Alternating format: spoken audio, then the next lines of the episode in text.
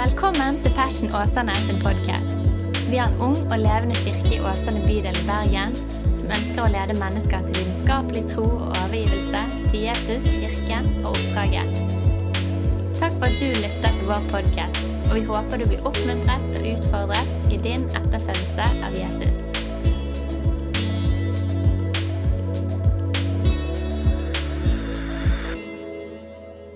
Tusen takk for uh, invitasjonen. Det er litt sånn eh, artig å bli titulert tilsynsmann. Syns det høres litt sånn formelt ut.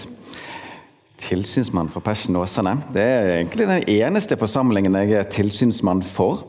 Men jeg kjenner det veldig fint, for eh, her er det relasjoner som strekker seg langt, langt tilbake i tid. Så én ting er på en måte den formelle oppfølgingen av fellesskapet som jeg kan få være med litt på. Men det er jo masse relasjonelt godis, da, tror jeg skal få si. Faktisk Den første jeg ble kjent med dette fellesskapet, her, det var mor til Daniel Bodil. Hun eh, var ungdomsskolelæreren min når jeg var 13-14 sånn år på Danielsen ungdomsskole. Jeg husker jeg faktisk at hun hadde en liten gutt som var født i 1992. Ja da. Sant? Men eh, noen år seinere så var det jo sånn at jeg ble leder i Kanal U, Kristkirkens ungdomsmiljø, som en god del av dere eh, har vært en del av. Og eh, flere av dere i eh, fellesskapet var jo påkoblet. Her fant jeg noen herlige bilder vet du, fra Daniel og Helene i gode tenåringsår. Jeg hadde gleden av å bli kjent med mange av dere da. Og så må jeg godt ta med da, Ti år seinere, etterpå dette her, cirka, så eh, ble jeg pastor i Kristkirken. Nå er det ti år siden, ja. Og Da var det sånn at Daniel og Mats, som sitter bak der, de var en del av staben i Kristkirken. De var renholdsarbeidere. De eh, gikk rundt og kalte seg sjøl for vaskepastorer. da. Ja. Og eh, jeg kan iallfall si det sånn at sosialt sett så var det helt supert. Så var det ingen som gråt på en måte den dagen det arbeidsforholdet opphørte. Eh, og det ble overtatt av en dame som faktisk hadde felterfaring da, med, med, renhold. Det tror jeg skal få lov til å si. Men eh, sosialt sett så var det ingen som var bedre enn Daniel og Mats. da. Ja. Så var det sånn at Daniel eh, et par år eh, seinere der kom inn som menighetsarbeider i Kristkirken og var tett på meg. Fortsatt et litt ungt bilde av Daniel her, for så vidt av meg òg. Eh, vi var tett sammen. Og det traff veldig bra, vil jeg si. Men så kan jeg også få være åpen med dere og si det at jeg merket underveis der som Daniel var tett på meg i Kristkirken, at han gikk egentlig svanger med et annet konsept. Han kjente at her er det noe annet som også skal skje. Det er fint å få stå tett med deg, Håvard, og være med og styre denne skuten på Minde, men liksom, det buldrer i kroppen. Det er noe annet jeg vil, dypest sett. Og jeg har fått være med å følge Daniel og flere på denne reisen som er blitt til dette fellesskapet, og som fortsetter å ja, ha sin gode, gode utvikling. Så tror jeg jeg har lyst til å være litt åpen med dere innledningsvis i møte med min rolle eh, inn mot dette fellesskapet. Jeg har litt erfaring etter hvert med menighetsliv og ledelse av menighetsliv. Eh, men jeg kjenner nok at min aller største styrke og min fremste motivasjon det handler om menneskeliv. Og Derfor så sier jeg igjen og igjen til Daniel at jeg kan gjerne være med å følge opp Passion, men jeg har aller mest lyst til å følge han. Så Der har på en måte min hovedinngang vært i dette. At jeg er gjerne med å se på det store bildet, men jeg har lyst til å leve tett på Daniel og på ledere. Sant? Og at, ja, etter hvert Helene. Sant? Og kunne få, få være, være, liksom leve åpne, transparente liv. Og hvordan går det egentlig? Sant? Og Som et eksempel, Sist gang Daniel og jeg var sammen, så sier jeg til Daniel, og sånn som alle dere her inne gjerne er kjent med, at det har åpnet seg spesielt mange dører for Daniel de senere årene inn mot liksom et nasjonalt nedslagsfelt som forkynner. sant? Så bare, først jeg spør Daniel om vi skal bare, hvordan, hvordan går det der for deg? Det å oppleve så mange åpne dører, så mye medgang. Sant? Det er mange av oss som kan gå på snurrer i det livet plutselig går veldig bra på, på, på noen vis, på noen steder vi har drømmer. Men å bare kunne leve tett på hverandre, da. kunne holde hverandre ansvarlig, kunne snakke sammen. Og Her har jeg lyst til å bare innlede med å si at jeg tenker at dette fellesskapet her er velsignet som har ledere som ønsker en sånn åpenhet og et innsyn og innspill, og at ikke det er sånn ja, dette får vi til, men at det, at det er litt sånn nakent. Det, det, det, er veldig sunt, og det er tillitsvekkende og dypt gledelig. Så det er kanskje hovedsakelig der foreløpig at jeg har hatt min som primære inngang. da. Så, ja. Så må jeg bare si det før jeg går løs på forkynnelsen her, at det er på det rene òg at eh, relasjonen til Daniel og til flere andre her inne sant? det er blitt mer og mer etter som årene er gått, så er det blitt en sånn gjensidig rikdom mer enn et sånt ensidig utbytte, da, for å si det, å si det på den måten. Så, så, tusen takk for tillit til å kunne få være med og følge opp. Og eh, aller mest takk for gode relasjoner til, til mange. Ja. Her ser dere min gjeng. Jeg syns det er litt hardt å være vekke fra de denne søndagsformiddagen. Dere snakker om familie. Sant? Jeg er veldig glad i å være i Kristkirken på søndag formiddag. Jeg synes det er fint å kunne sette ord på det. Det er bra å liksom være med, med storfamilien sin. Nå kjennes det egentlig som en familie å komme hit også, men her er iallfall kjernefamilien min. Elisabeth og jeg har vært gift i elleve år, og vi har tre barn. Olea på syv, Åse på seks og Hans på tre. Så vet dere litt om at vi også har en ja, fascinerende og hektisk småbarnsfase. Elisabeth hadde veldig lyst til å være her i dag, men prioriterte å få sin niese med i Kristkirken. fordi hun ikke så mye i, den, i forsamlingen der. og da bare, I dag var det en mulighet, og da gikk hun inn den døren der istedenfor. Så de er der. Og Der treffer hun kanskje Silje Sylta, som altså forkynner i Kristkirken i dag og tilhører her. Og så får jeg komme ut hit, da. Så det er fint. Du, eh, en uke i eh, året så er det fokus på strandrydding i Norge. Er det noen av dere som har vært med på det? Ja? Jeg personlig er en mann som egentlig er veldig glad i å rydde av en eller annen grunn. Det er min kone veldig glad for.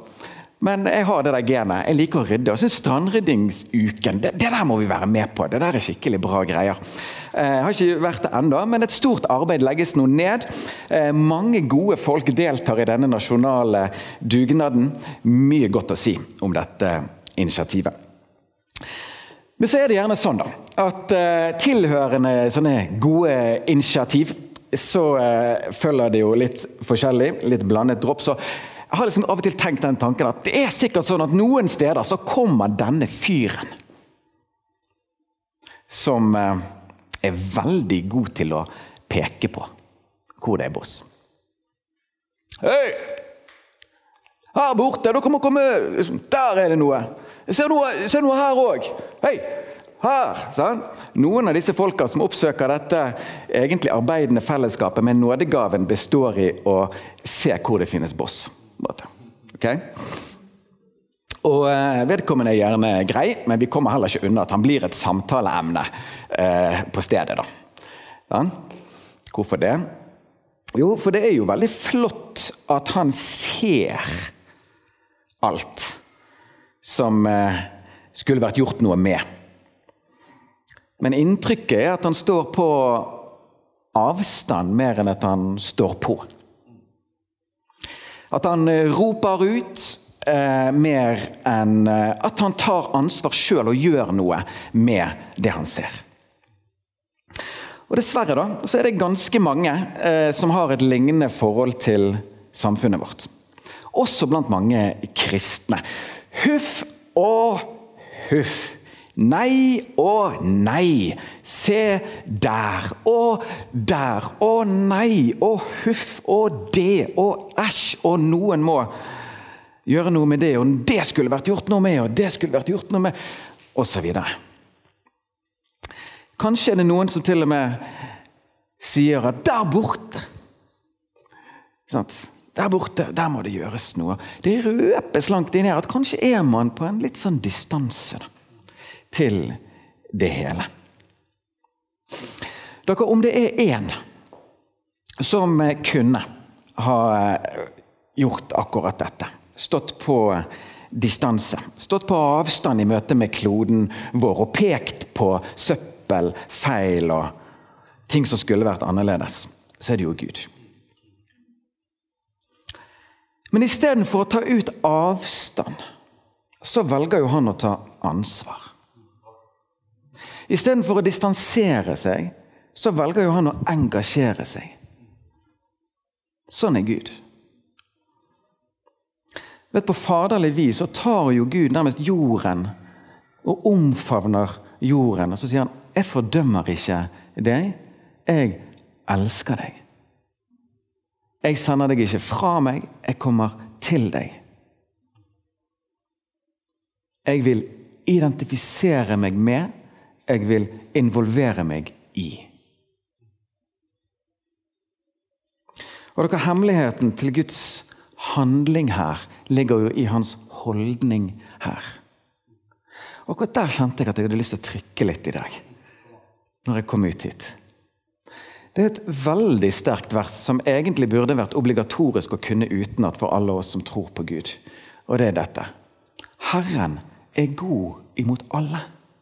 Hans barmhjertighet er over alt han har skapt. Det er et fantastisk vers. Se på det der. Hans barmhjertighet er over alt han har skapt. Og kjærligheten til verden er altså sånn at det beveger Gud på en sånn måte at han setter seg i bevegelse. Det er jo det som skjer. Men det begynner med dette hjertelaget. Denne holdningen i Gud. Jeg har tenkt mange ganger på det at det er fascinerende hvor mye Jesus snakker om harde hjerter.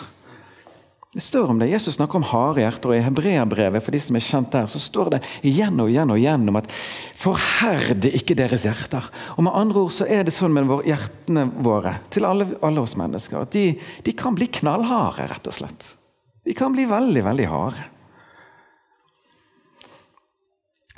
En gang så kom dette til meg at på mange måter For det, det er jo sånn også at hjertene våre kan være myke. Og Et ganske godt bilde på hjertene våre, da, på vårt indre liv, er egentlig at de er som stearin. Som kan være knallhardt som stein. Og som kan være fullstendig bevegelig og mykt. Men hva er hemmeligheten til å mykne opp stearin? Hva må til for at materien kan bli myk og formbar?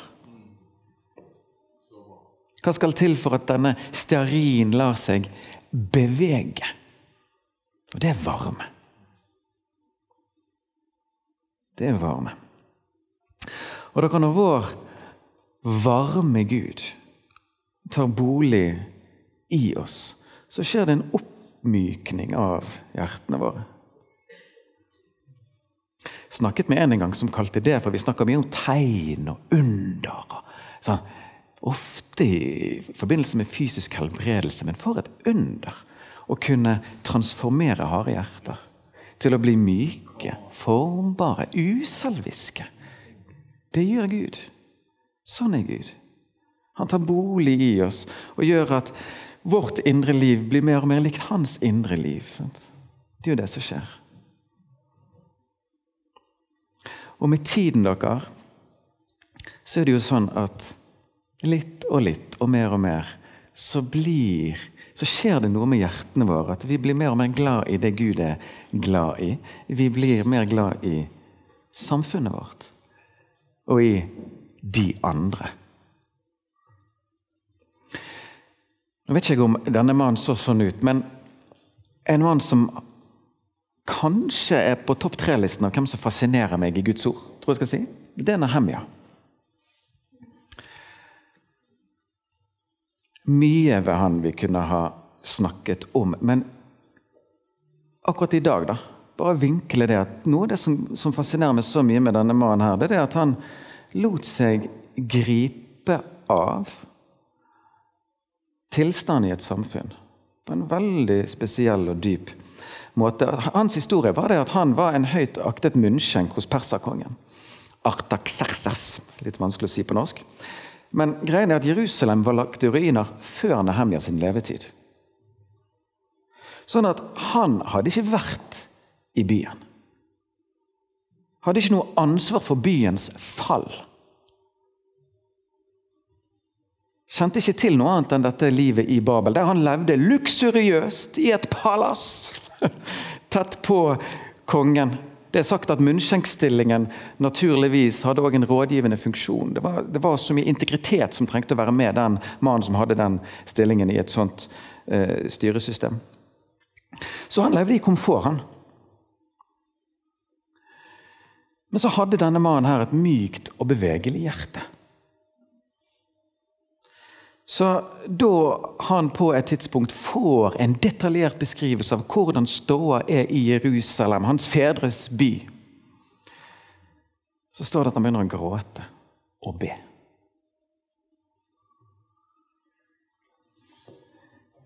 Jerusalem er fullstendig uten forsvar. Murene er nedrevet, det er fritt vilt for hvem som helst. Og kan Nehemja er på avstand. Og Saken er det at Nehemja kunne med enkelhet beholdt denne avstanden.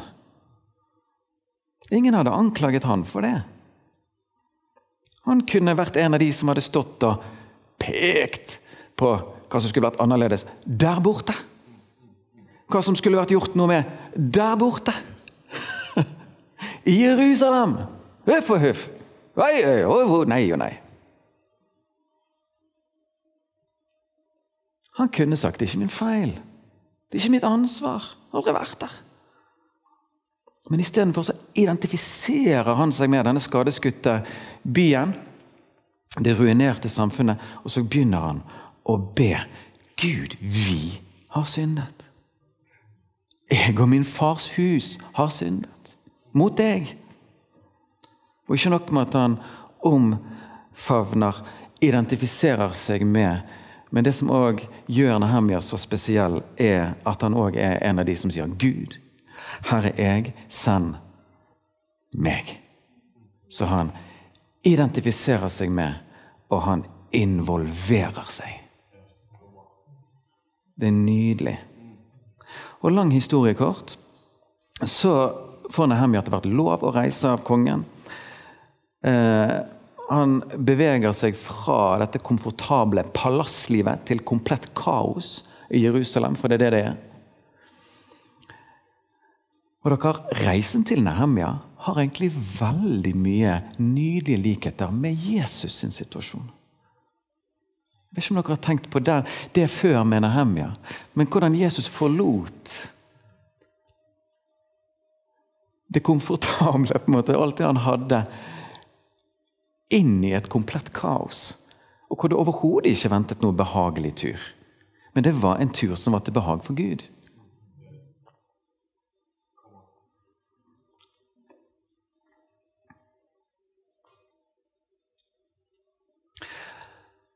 Vi skal merke oss to ting som er litt sånn konkret og praktisk egentlig, sant? med hvordan Nehemja og gjengen arbeidet der borte. Da, med å reise denne muren. For muren ble gjenreist.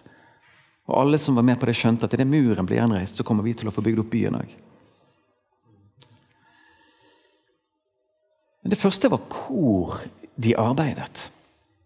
Vet, her er det jo noe at ingen av de som var med på dette svære prosjektet, kunne jo bygget opp muren alene. Ingen kunne gjøre det på egen hånd. Men det som jo skjer, er at det står om flere at de bygget på den delen av muren som var rett foran sitt eget hus. Det er interessant. Man tror om ikke man gjorde seg ekstra godt flid med støpingen. Akkurat rett foran der man hadde en mot, ekstra motivasjon, da, kan du si.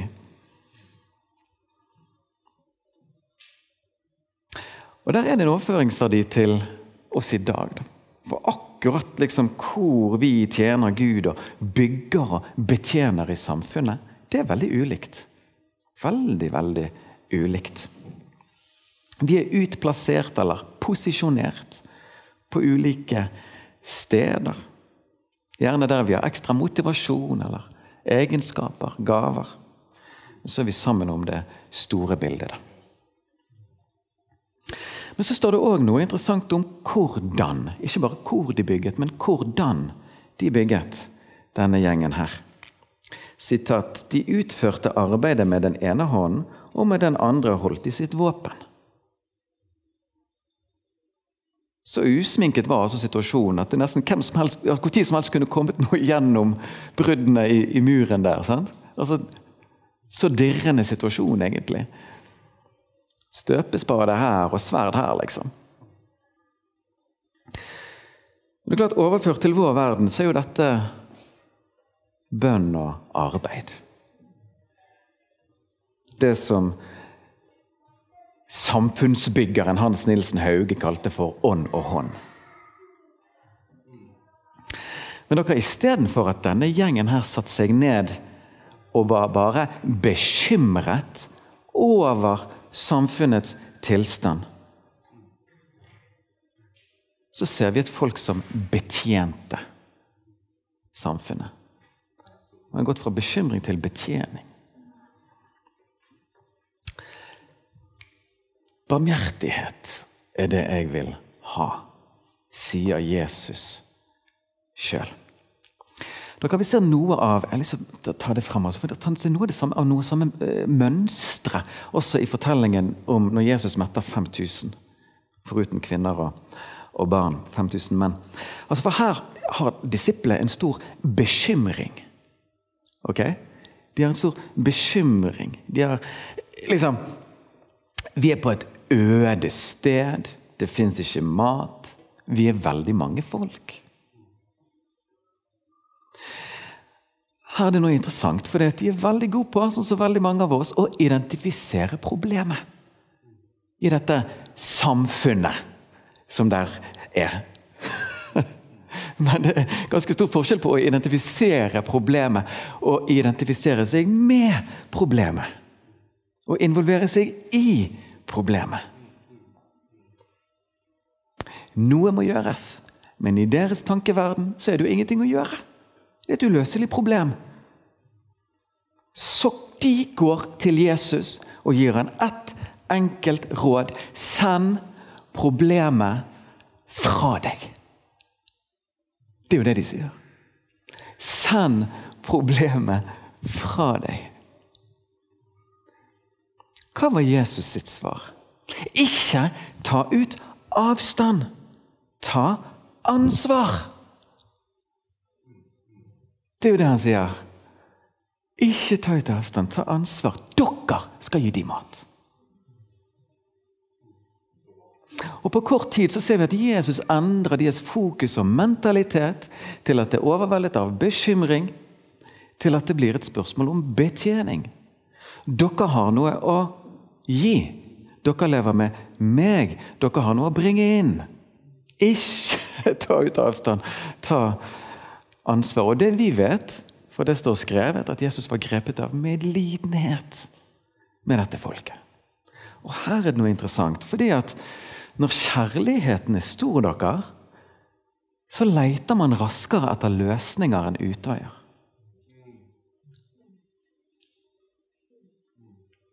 Det er sånn det er. Det er litt sånn Hva gjør vi? Hvordan, hvordan kan jeg gå inn i denne situasjonen? Hva, hva kan jeg, hvordan kan jeg endre den? istedenfor at man stikker av.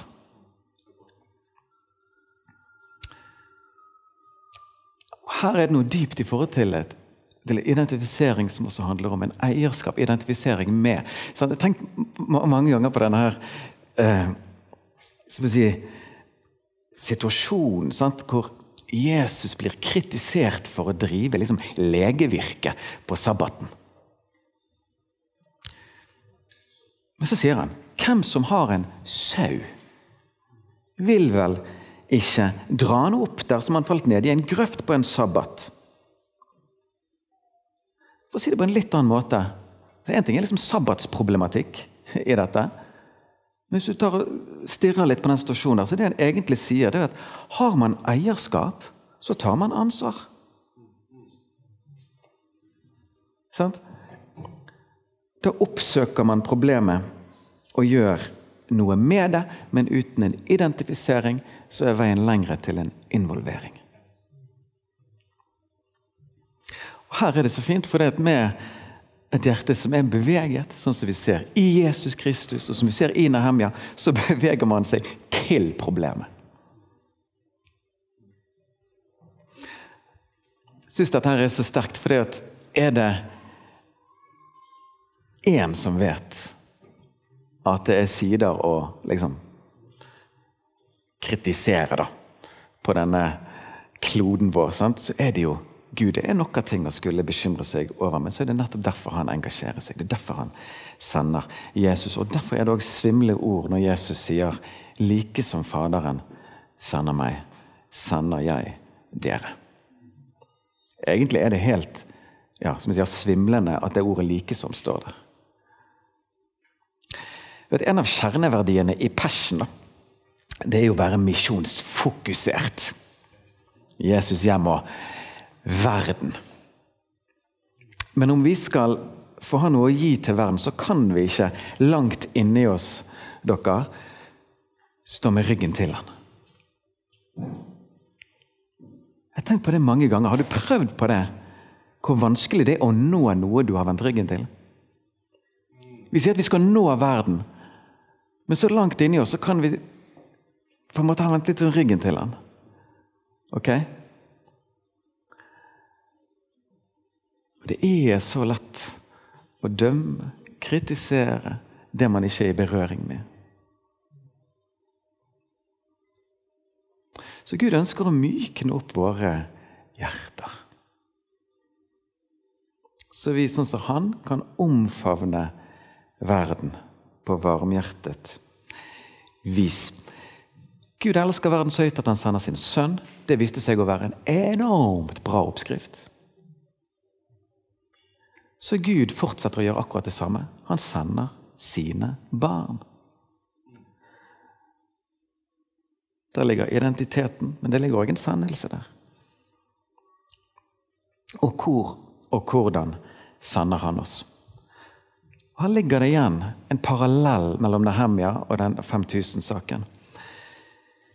Altså 5000, der, der 5000 blir mettet. For Jesus ble altså ikke med på å sende folket fra. Sendte heller gjengen til folket med følgende ord dere skal gi dem mat. Dere er med meg, så dere har noe å gi. La oss søke opp, ikke sende bort. Men dere det er mulig kanskje noen av dere vil føle at nå presser du litt sånn gull ut av gulrøtter, som det heter. At man henter litt for mye ut av, ut av det som står her. Men bare bli med meg på en tanke. ok? Har du noen gang reflektert over hvorfor er det Jesus underveis her sier at de skal sette seg ned i grupper på 50 og på 100. Hm. Ja, hvorfor gjorde han det? Ønsket kanskje Jesus at alle skulle sitte helt i ro? At det skulle være sånn Nå må alt være helt, helt i orden her før jeg skal gjøre et litt sånn vanskelig under. Silence. Er det fordi han er en ordens gud? Er det fordi at køer med 5000 pluss ikke frister? Stor sannsynlighet for kaos, kamp om de første bitene. Hvorfor gjør han dette? Og greien er at Vi vet egentlig ikke helt. vi vet ikke. Det står ikke akkurat det, men det er noe vi vet. Og det er det at de som skulle dele ut maten, de var overveldet over mengden behov. Det vet vi.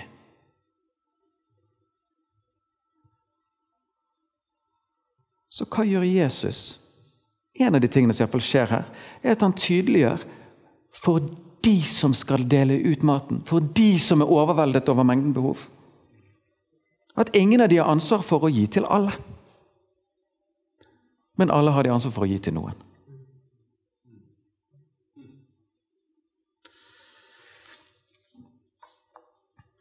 Om ett så skjer det noe. Det blir mer håndgripelig.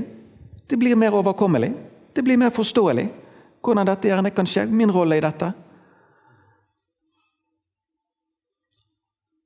Og hør litt dypt etter nå når jeg sier denne setningen her. Så sendes de alle til ulike grupperinger i dette samfunnet. Det er jo det som skjer. De sendes til ulike grupperinger i dette samfunnet. Noen sendes ditover, noen sendes hitover. Sammen om det store bildet, men de når helt ulike mennesker i ulike grupperinger. I dette ligger det et forbilde for oss. dere. Prøv det på jeg, og Daniel, vi, vi, er engasjert, ganske engasjert i enhetsarbeid i dette byen i, i denne byen. her, sånn. Og Det ligger jo på et regionalt nivå. Det er ingen av oss som har ansvar for å nå alle. Men alle kan vi nå noen. Men det ligger òg et ord her til en lokal forsamling. Sant? At ingen av oss her er supermennesker som klarer å nå alle, men alle kan vi gjerne nå noen. Og der andres fremgang er alles glede. Så er det et konkret spørsmål. da. Hva gruppering? Hva personer? Hva sektor i samfunnet? Hvor er mitt nedslagsfelt, virkefelt? Hvem er det Gud sender meg til? Hvem er det jeg skal få komme med nåde fra Gud og næring fra Gud og være en samfunnsbygger, en positiv forskjell der jeg er? Og Jeg tror en enkel pekepinn på det vil ofte være at der det allerede finnes en etablert relasjon i livet ditt. Det, det, det er et veldig godt tegn på, på hvor, hvor, Gud vil, vil, ha deg og, og meg. Eh, Rolf Helen Iversen, som flere av dere kjenner, han var jo tidligere pastor i Kristkirken, men han var også pastor i IM-kirken her. Eh, delte en gang et veldig presist bilde om dette med den store høstmarken. liksom, Han hadde sett, han liksom stått og sett utover sånn, ok, høsten er stor, han hadde sett en enorm sånn høstmark. Så bare liksom Gud, hvordan, hvordan går vi løs på alt dette og så opplevde han å få en innkommende tanke. Hvor liksom Kikk ned. Hvilke aks er skotuppen din allerede i berøring med? Hvor finnes det allerede en relasjon? Det vil ofte kunne være en god pekepinn, et godt sted å fortsette, tror jeg skal si, istedenfor å skulle starte. For jeg tror de aller fleste her er gjerne i gang på ulike måter. Men dette kan òg handle på et litt større plan, i et samfunn, om innflytelsessfære. En ting er relasjoner, en annen ting er også der Jeg skal ikke gå inn den døren i dag, men jeg har veldig hjerte for dette med tro i arbeid, og hvordan man på sin arbeidsplass kan få være med og bringe Guds rike. Men det ja, kan Silje få snakke sikkert mer om en annen gang. En siste person fra Bibelen jeg vil bare trekke inn i, i, dette, som kan være til motivasjon og inspirasjon, kanskje for noen mer enn andre. Men eh, veldig interessant å se akkurat dette sporet av identifisering og involvering. Det er Daniel. I det ufullkomne samfunn han var en del av, i Babylon, så hadde han en høy stilling og var tydelig en samfunnsbygger. da. I, si, hadde en støpespade i den ene hånden sin. Men så leser du Daniels bok, så vil du også se at her er det veldig mye bønn. Daniel var virkelig en beder.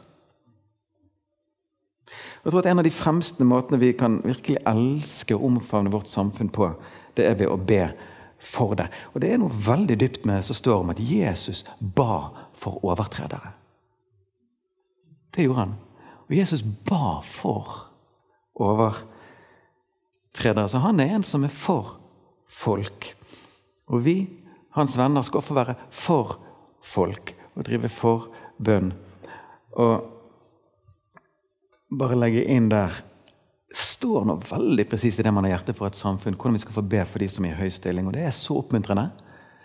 For hvordan man ser at bederen kan være med å influere lederen. Det som skjer i bønnerommet, kan være med å prege det som skjer i styrerommet. Det hadde aldri stått en så tydelig oppmuntring til bønn for de som er i høy stilling, hvis ikke det hadde hatt noe effekt.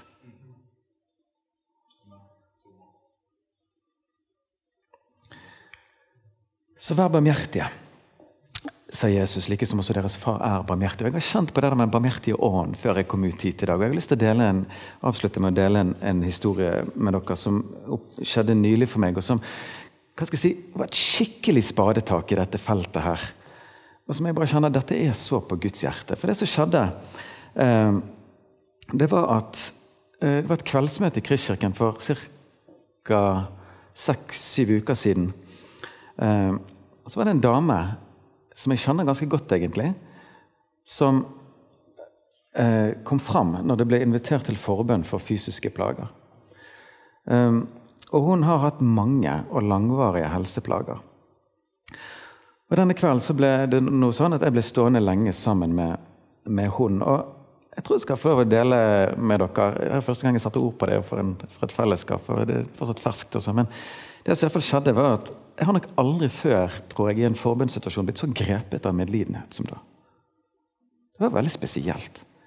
Det var bare sånn Tapre dame, altså. Hva du står hva du er blitt til del. Jeg bare kjente sånn så det som skjedde for meg i den forbundssekvensen der, var at jeg kjente at tårene mine bare begynte å renne. Jeg ba veldig lite. Jeg sa veldig lite. Men jeg bare kjente et sånt hjerte for henne. Sto bare der og forsiktig holdt hånden på, på skulderen hennes. Og så bare, bare var jeg, og tror hun òg, liksom i dette gode, barmhjertige på en eller annen måte. Tre dager etterpå så treffer jeg henne på et bønnemøte. Og så er vi ferdig, og så blir det liksom til en samtale etterpå. Og så er det tydelig at hun nøler med å fortelle det, for det var så dypt for henne. Men så sa hun bare det at hun var blitt så mye bedre i kroppen etter den kvelden. Og hun holdt nå på å prøve det ut. Hun holdt på å spise mat som kroppen tidligere reagerte kraftig på. Altså Ikke sånn totalt helt, helt men bare sånn forsiktig. Hun sier det er en endring. Det er en endring. Og for en som har på en måte hatt dette så lenge som hun så som at blir, Hun har ennå ikke satt ord på det offentlig. Kan kanskje komme til å gjøre det hvis det fortsetter.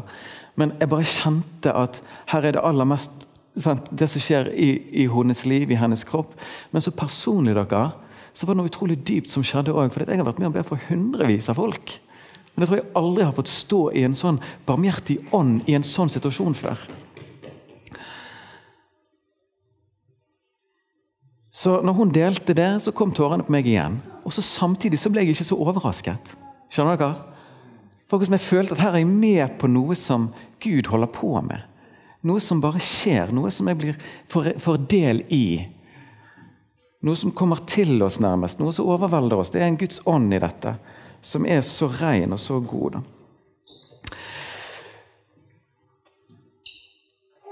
Så det handlet om barmhjertighet. Så venner, for å ta på studiumet her Jeg tror Gud ønsker å lose oss fra bekymring til betjening. Fra avstand til ansvar. Fra det distanserte til det engasjerte. Til identifisering og involvering. Slik Jesus sjøl modellerer for oss. da. Så det er ingen av oss som er kalt til å bygge hele muren. Men alle er vi kalt til å bygge noe av den. Ingen av oss er kalt til å fø hele folket, men alle er kalt til å bringe noe til noen. Så dette får være dagens vers, dere, så vi kan ta med oss. Vær barmhjertige, liksom også deres far er barmhjertig. Og la oss få gå i fred, fortjene Gud og mennesker med glede. For at du lyttet til vår podkast. Hvis du synes den var bra, så del den gjerne med noen flere. Vil du vite mer om hvem vi er, hva som skjer, og kanskje besøke en av våre gudstjenester, se vår nye hjemmeside på fashionåsane.no, eller følg oss på sosiale medier. Helt til slutt, ta imot Herrens velsignelse. Herren velsigne deg og bevare deg. Herren la sitt ansikt lyse over deg og være deg nådig. Herren løfter sitt åsyn på deg og gir deg fred.